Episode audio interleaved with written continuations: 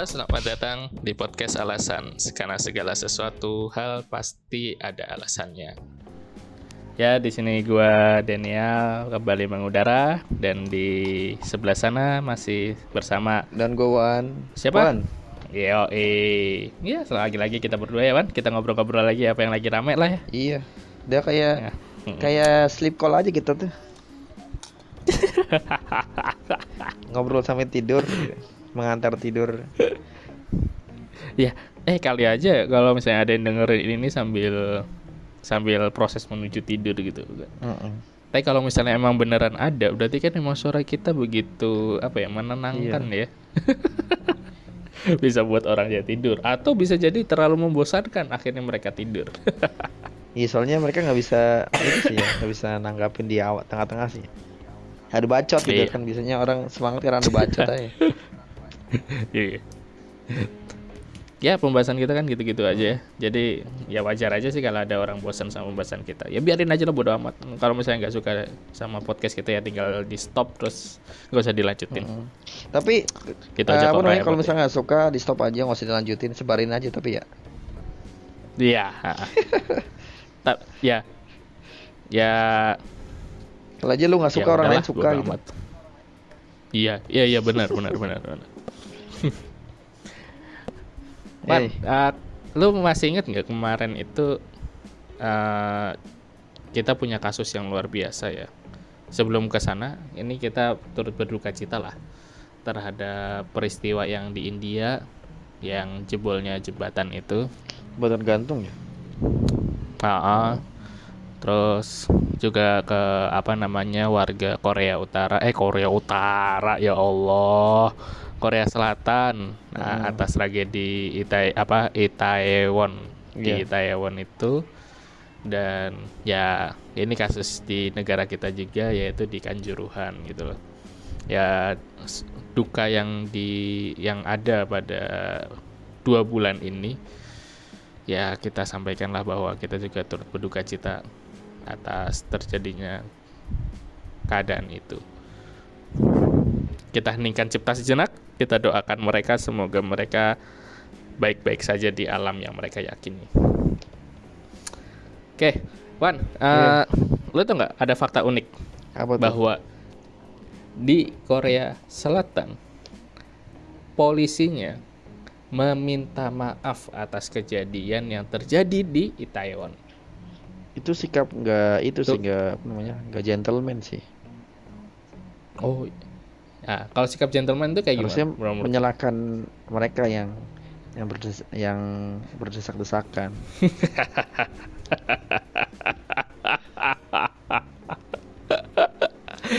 Ya, ya, ya. Ya masa iya ya minta maaf gitu. Polisi polisi emang tuh apa emang yang dorong dorong kan enggak Enggak. Iya. Masa minta maaf. apa salah polisi itu nggak ada Iya. Harusnya kan ini ya salahin salahin Iya. mereka yang ada di Kenapa lu sana lah ya. kan Oh, gitu. kena- Coba Oh, datang. Kenapa berkerumun gitu? gitu ya ampun. Cuma ya itulah berbeda dengan di negara Wakanda yang di mana satu sama lain berusaha semaksimal mungkin untuk membentengi dirinya mereka sendiri bahwa mereka tidak bersalah yang salah adalah mereka yang ada di lapangan yang ada di waktu kejadian yang ada di sana kan gitu Ah. saling lempar tanggung jawab ya Nah, saya tanggung jawab satu sama lain. Ya kejadian yang di Kanjuruhan itu kan cukup ini ya, Man ya. Cukup menyedihkan lah buat gua.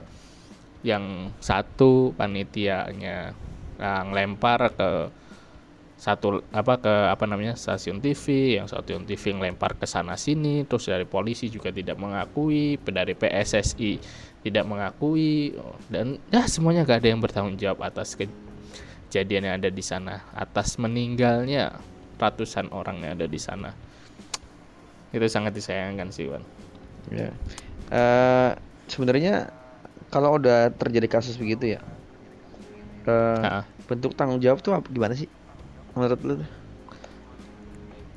ya kalau menurut gue ya bentuk tanggung jawabnya adalah kalau misalkan kita bicara yang ada di Indonesia ya atas kejadian kan juruan yang kemarin ya bentuk tanggung jawabnya ya pertama kalau dari PSSI ya dia sebagai elemen tertinggi dalam sebuah sebuah apa ya sebuah komponen persepak bolaan ya dia harus bertanggung jawab dengan mencari tahu gitu loh uh, kasus ini itu bermulanya dari apa dari mana kok bisa wak kejadian waktu itu itu terjadi itu jadi tidak dengan melempar tanggung jawab dengan oh itu bukan tugas saya yang melakukan itu gitu. Ibaratnya gini ketika ada sebuah perusahaan karyawannya itu bikin kesalahan ke klien. Yang harus bertanggung jawab siapa? Ya direkturnya gitu loh. Karyawannya nggak harus bertanggung jawab tapi direkturnya ya sebagai atasan si karyawan itu yang harus tanggung jawab. Kan seperti itu.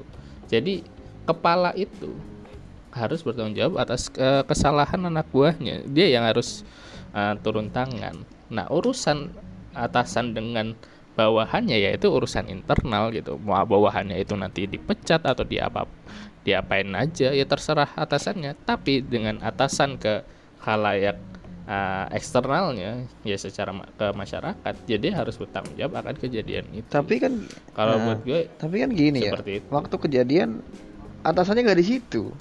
Mungkin lagi nyat lagi makan gitu lagi lagi bersantap dengan keluarga tiba-tiba di di tempat lain ada keserusuhan yang pimpinan itu nggak tahu sama sekali. Ya masa mm -hmm. saya harus bertanggung jawab kan gitu kan? Menurut apa namanya yeah. pimpinan itu. Masa saya harus bertanggung jawab kan? Itu ada panitianya ada ada tim keamanannya. Saya tiba-tiba di sini hmm. lagi nonton TV suruh tanggung ya, jawab. Nak aja lu. Ya ya uh, ya sama aja lah ya. Nah, kita analogikan dengan kita analogi analogikan aja dengan ini aja dengan uh, ketika lu punya punya anak atau lu punya adik ketika adik lu nyolong yang tanggung jawab siapa? Kan lu. Adik lu apa tanggung jawab? Apa anak lu apa tanggung jawab? Pasti kan lu yang tanggung jawab sebagai orang yang uh, mendidik atau me, uh, meng, bukan menguasai ya yang menjadi komponen struktural tertinggi dari sebuah instansi atau sebuah organisasi gitu. tapi ya emang sih uh, budaya kita kan budaya yang saling lempar tanggung jawab ya tapi apa namanya gue punya itu nih punya apa namanya punya alternatif pikiran yang mungkin melandasi mereka ya Maaf. Uh, gimana gimana? Kayak tadi yang lu sampaikan kalau anak yang ber, anak yang berbuat salah atau siapa yang berbuat salah sebenarnya yang ber, yang bertanggung jawab pertama adalah apa namanya mereka yang melakukan. Oke. Okay. Nah, tapi gini, kadang-kadang orang yang punya arogansi itu berbahaya. Kayak misalkan tadi ya, eh satu stasiun apa tadi perusahaan ada karyawannya uh -huh. yang bersalah ya tinggal karyawannya aja yang yang apa namanya yang bertanggung jawab karena pimpinan itu uh -huh. merasa loh saya udah besar gitu loh mungkin perusahaannya udah besar nggak uh -huh. mungkin nggak mungkin ada yang yang ya menghancurkan integritasnya okay, akhirnya -huh. apa namanya uh, pimpinan nggak bertanggung jawab kayak waktu itu nih waktu itu ada kasus banyak ya yang uh, ah. dia di di komplain sama sama klien ya karena uh. apa komplainan klien ini berbahaya untuk untuk integritas perusahaan akhirnya pimpinan yang turun tangan ya enggak uh. karena dia menja yeah, yeah. ada yang dia Betul. jaga gitu loh iya nah, dan ternyata mungkin ini sikap dari arogansi itu ya mereka nggak tanggung jawab toh orang lain tetap tidak uh. menyalahkan lembaga tertingginya Iya iya. Lu masih inget nggak uh, hal yang rame di beberapa bulan yang lalu yang promonya Holy Wing? -hmm. Minuman keras itu yang yeah. yang yang bernama Muhammad dan Maria dapat diskon apa dapat apa gratis minum atau gimana yeah. gitu. Lu masih inget ya? Dan -hmm. lu tahu yang apa namanya uh, di situ si siapa namanya Hotman Paris? Iya. Yeah. Hotman Paris itu kan bilang bahwa itu bukan tanggung jawab dia sebagai pemilik saham gitu loh yang bertanggung jawab adalah ya konten uh, kreatornya dan lain-lain gitu loh menurut gue malah hal-hal kayak gitu yang yang apa ya sangat disayangkan gitu loh. Bahwa ya seharusnya ya walaupun emang itu bukan bukan ulahnya Hotman Paris atau uh, bukan instruksinya Hotman Paris dalam melakukan promosi seperti itu, tapi dia sebagai owner, bukan owner ya, pemilik saham dan orang lain publik itu tahu bahwa dia adalah pemilik saham dan dia diwawancarain juga tentang hal itu, ya maka dia harus berdiri ke mereka ke di atas karyawannya harus membela gitu bahwa saya bertanggung jawab akan hal ini dan saya akan mengurus ini sesuai dengan hukum misalkan kayak gitu. Bukan seperti itu bukan tanggung jawab saya gitu itu tanggung jawab mereka yang sebagai konten kreatornya atau yang lainnya. Nah membangun rasa tanggung jawab ini di Indonesia ini kayaknya emang sangat susah sekali ya apa emang pada dasarnya manusia itu ya nggak mau bertanggung jawab akan suatu hal yang tidak ia lakukan aja kali ya uh -uh uh, kalau menurut gue sih terlalu terlalu idealis ya kalau sampai sampai kita berharap orang lain bertanggung jawab gitu. Tapi gini, hmm. waktu itu waktu kejadian kejuruhan itu akhirnya hmm. ada statement dari dari mana ya? Bahwasanya uh, Indonesia batal jadi tuan rumah. Oh, kan? Oke. Okay. Karena terus? itu bagian dari sanksi FIFA apa ya? Apa AFF? Iya. Itu uh, ya. Terus? Jadi uh, hierarkinya kan PSSI itu uh, apa namanya organisasi apa sih namanya sebetulnya ya institusi, institusi lah ya yang tertinggi di Indonesia kan mm. Nah, mm. payungnya apa payungnya kan FIFA kan mm -mm. nah kalau ini didiamkan oleh FIFA artinya ya mereka tetap dalam di ar dalam arogansi yang sama gue bukan berarti nggak mm -hmm. cinta Indonesia sebagai sebagai apa namanya sebagai warga negara tapi kalau apa namanya kalau kalau ini dibiarin di, gitu, gitu aja, aja ya. sanksi. Akhirnya apa? Yo ya udah gue nggak bisa tanggung jawab toh. Apa namanya? Nggak uh, berimplikasi ke mana-mana kok. Ha, ya, coba misalkan dan nggak akan ada perubahan, ada perubahan. Gitu. makanya gue berharap ini harus ada sanksi nih biar nanti hmm. apa namanya uh, itu sebagai apa namanya hukuman iya yeah ya jadi ini ya apa namanya uh, trigger warning atau sebagai ini aja ya apa shock terapi iya. lah. Nah. Dan akhirnya tetap ya tetap jadi jadi itu ya malah main bola bareng tuh sama FIFA-nya. Ah, gua nggak terlalu ngikutin lagi. Iya, itu main bola bareng tuh. Kan sama Iwan Bule. Karena buat gua nah, ya karena buat gua itu suatu hal yang memalukan aja gitu loh. Nah, yes, apa pun yang dilakukan uh, PS uh, PSSI atau siapa pun itu ketika dia memperbaiki citranya sedangkan masalahnya belum selesai itu ya memalukan aja gitu lebih baik mati aja gitu daripada melakukan itu. Iya kayak misalkan di apa? Di luar negeri nih kita Iwon ya. Di nah. Yang polisinya minta maaf karena bertanggung jawab sebagai nah.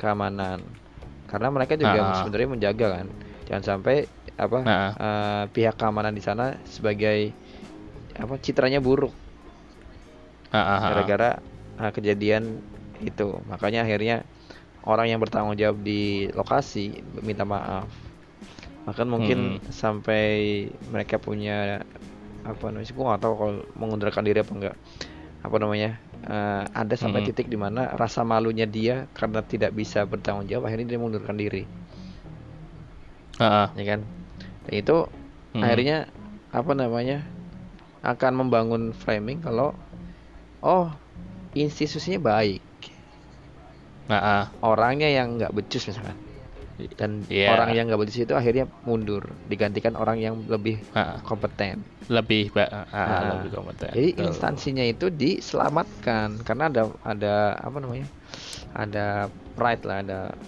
ada ya citra baik di situ yang lah. yang nggak bisa di yang nggak bisa ditawar makanya kan kalau kalau apa pikiran di situ nggak ada itu bahaya kayak Polri waktu itu Sambo itu kan kalau sampai ah. Sambo didiemin aja gitu nggak diproses hukum dan nggak nggak ah. kelihatan di publik ya kepercayaan masyarakat ke polisi gimana kan gitu kan jadinya kan Hahaha. jadi Iya, nah, betul. jadi itu juga berlaku buat semuanya ketika ketika pimpinan yang harus bertanggung jawab itu bukan soal siapa yang salah tapi untuk menyelamatkan institusi, itu sendiri Iya. Iya. kalau mereka arogansi Iya, kalau benar. merasa institusi nggak bisa disentuh sama siapa pun ya itu akhirnya tuh Ya. Yang jadinya rasa kepercayaan kita sebagai masyarakat kepada sebuah institusi atau sebuah lembaga yang menaungi suatu hal itu ya akan berkurang gitu loh. Dan itu itu bahaya sekali gitu kalau itu akan terjadi terus-menerus. Itu juga berlaku ke ini, ke isu terbaru sekarang, Wan. Eh, yang apa namanya sirup sirup ilegal itu eh bukan ya sirup ilegal yang bikin ke bikin anak-anak itu keracunan itu. Ya itu BPOM itu kan juga mengatakan bahwa itu bukan tanggung jawab kami gitu loh bahwa sirup itu beredar. Ya kalau misalkan sirup itu beredar tapi di situ tidak ada izin BPOM ya mungkin itu bukan tanggung jawab mereka. Tapi ketika di situ sudah ada eh, apa ya pernyataan bahwa BPO BP apa BPOM itu menyetujui akan eh, ingreditas uh, ingreditas bahasa Indonesianya apa sih? Uh, kok apa? Bahan-bahan, bahan-bahan, Mm-mm. bahan-bahan pokok, bahan-bahan pokok obat itu itu nggak disetujui oleh BPOM ya. Eh kalau misalkan bahan-bahan BPOM, eh bahan-bahan in- apa ingreditas yang ada di dalam di dalam sirup itu sudah diperbolehkan sama BPOM dan itu malah menjadikan penyakit di anak-anak jadi anak-anak keracunan nah BPOM harus bertanggung jawab gitu loh akan hal itu gitu. dan dan Mm-mm. orang-orangnya orang bukan BPOM-nya ya lebih ke orang-orang yang memberikan itu memberikan eh, memberikan akses untuk penyebaran itu yang harus ditindai gitu. Se- sehingga kepercayaan ki- kita kepercayaan publik terhadap mereka itu ya harus tetap sama Mm-mm. gitu tidak di tidak dihancurkan dengan citra mereka yang yang kurang itu. Padahal mudah ya, mudah. Kalau misalkan apa namanya mereka mengatakan ya itu kelalaian kami dalam eh, apa namanya melakukan screening atau apa ya observasi di Hmm. Lapangan itu ah iya ah, ah. cuma tinggal ngomong gitu doang kan. Oh, nggak nggak semudah Nggak, itu kan. Ego manusia. Kalau daripada ngomong ini bukan tanggung jawab saya gitu. ya, Nah, soalnya karena Hmm. ketika mereka karena gini, ya, karena kalau di Indonesia sendiri ketika ketika apa namanya ya hal yang paling mudah diucapkan ya itu itu bukan tanggung jawab saya itu bukan tanggung jawab kami gitu loh karena budaya kita ya seperti itu kan bukan budaya kita itu uh, meminta maaf atas kejadian yang yang bukan tanggung jawab kita mungkin kayak gitu. Ya ya budaya kita emang kayak gitu. Eh, apa namanya? Kalau gue kalau gue lihat ya lihat sebenarnya sebenarnya semuanya kalau dilihat dari kacamata mereka ya Hmm. tetap pembelaan itu ada dasarnya. Kayak misalkan Bepom Ah. gitu ya. Bepom gue kan pernah tuh mie ayam mie ayam gue nih usaha gue di di tes sama Bepom Ah, ah. mereka minta sampel sampel mie Ah. sampel semuanya tuh disuruh dibawa ada mengandung bahan-bahan Ah. berbahaya apa enggak sama Ah. salah satunya ada strapless strapless ya kalau ada gua ambil kan ada aja lah. Strapless. apa Ah, ah, itunya ah, apa eh, indikator eh, in- in- yang mereka buat tapi sebenarnya sebelum Ah. itu ya akhirnya setelah dicek sama mereka di uji lab keluarlah eh, Hmm. nomor buat gerobak gue tuh tempel sama Bepom kalau Ah. ini aman Aman, Nah. oke. tapi setelah dicek itu gue punya kebebasan untuk merubah nggak Wow, punya. punya dong ah. selama itu nggak ketahuan gitu ya kalau ketahuan mungkin Iya. ya akan dicabut izin Bepomnya ah. tapi se- selama apa namanya selama itu belum dicek nah itu dia tugasnya kan Hmm. Secara berkala Iya, iya, iya. ini dicek dicek dicek Nah, itu poinnya secara berkala. iya Kalau cuma sekali aja ya ya udah kayak gitu. Mm, cuma label doang jadinya yang penting gue udah dapat label Bepom bodo amat dan akhirnya makin di sini makin Oh. di sini loh kok ingredientnya beda nih kok jadi ada masukin zat-zat berbahaya nih itu Hmm, bebas dari hmm. produsennya Mm, mm, mm, mm. Ya, nah ah, Ya, sebelum betul sih. ini sebelum tadi gue tanya ke lu ah, bentuk tanggung jawab gitu ya ke para korban. Am, bener bener lah ya men- apa namanya kalau bertanggung jawab pertama ah, menemukan dalang gitu. Iya, iya. suatu kejadian pasti ada sebabnya. Ha, ha. ya cari tuh sebabnya tuh karena apa. Jangan sebabnya karena berdesak-desakan itu. Ya lu apa lempar gas ya iya lah orang pengen keluar dari gua aja yang waktu Iya. itu ikut. Cuman cuman ya apa jauh lah ya jauh. Itu udah Ha, ha. apa namanya rasanya tuh udah gua yang usia segini gitu. Ngerasa tersiksa gitu. Apalagi waktu itu ada anak-anak ya. Yang korban kan banyak anak-anak kan. Iya. gimana Banyak iya, anak-anak. wanita anak-anak. Gimana rasanya dia ditembak banyak banget gitu? Nah itu harus dicari sebabnya. Kenapa kok bisa terjadi begitu? Yang itu tanggung jawab eh, apa namanya isti- istilahnya tuh ya, ya yang dasarnya lah ya pada akhirnya ah. lu pernah ingat gak ada kejadian eh, di Arab itu kejatuhan kren Oh iya, ha, ha, betul ya ya, gue masih ingat tuh. bentuk tanggung jawab pen- pemerintah Arab apa? Apa Memberi waktu itu ya? Gue kan? lupa ya. Oke. ha, Ketika kita merusak barang orang lain aja kita harus ganti gitu. Walaupun Iya. akhirnya muncul statement bahwasanya nyawa itu nggak bisa di ba- dibayar ganti seberapa santunan gitu ya. Hmm. Tapi Oke. membantu keluarga yang ditinggalkan itu ya bagian dari apresiasi wah ini itu apa namanya? Eh, Bukan apresiasi sebagai bentuk iya, tanggung jawab. apresiasi, ya, apresiasi itu ya, Pak. Prestasi ya.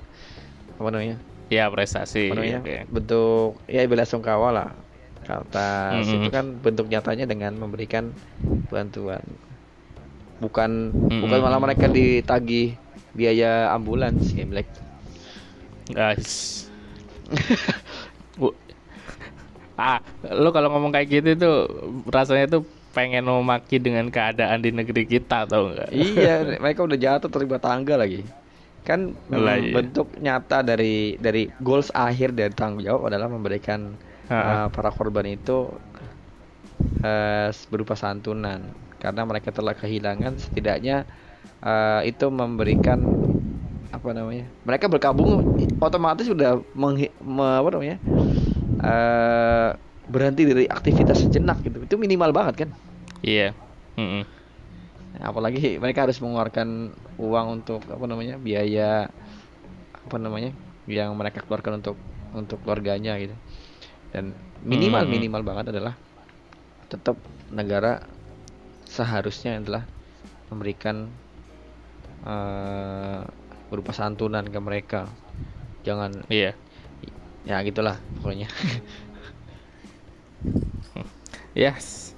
Pokoknya ya kembali lagi sih. Kalau segala sesuatu hal yang sering kali bukan kita yang lakuin, kesadaran kita untuk bertanggung jawab itu kadang kan kurang. Ya bahkan emang nggak ada karena itu bukan apa yang kita lakukan. Tapi kalau misalkan itu bagian dari kita dan kita tidak melakukan itu, tapi itu adalah bagian dari lingkungan kita, maka kita ya se- dengan sewajarnya secara moralitas ya memiliki rasa untuk bertanggung jawab menyelesaikan itu semua kan kayak gitu ya ya udahlah itu aja yang kita bahas hari ini ya, cukup lumayan lah kita pembahasan ini ya semoga kita banyak belajar bahwa bertanggung jawab itu eh, harus selalu dilatih lah di dalam Iya. diri kita belum tentu juga kita Gitu. ketika punya kekuasaan itu bisa bertanggung jawab.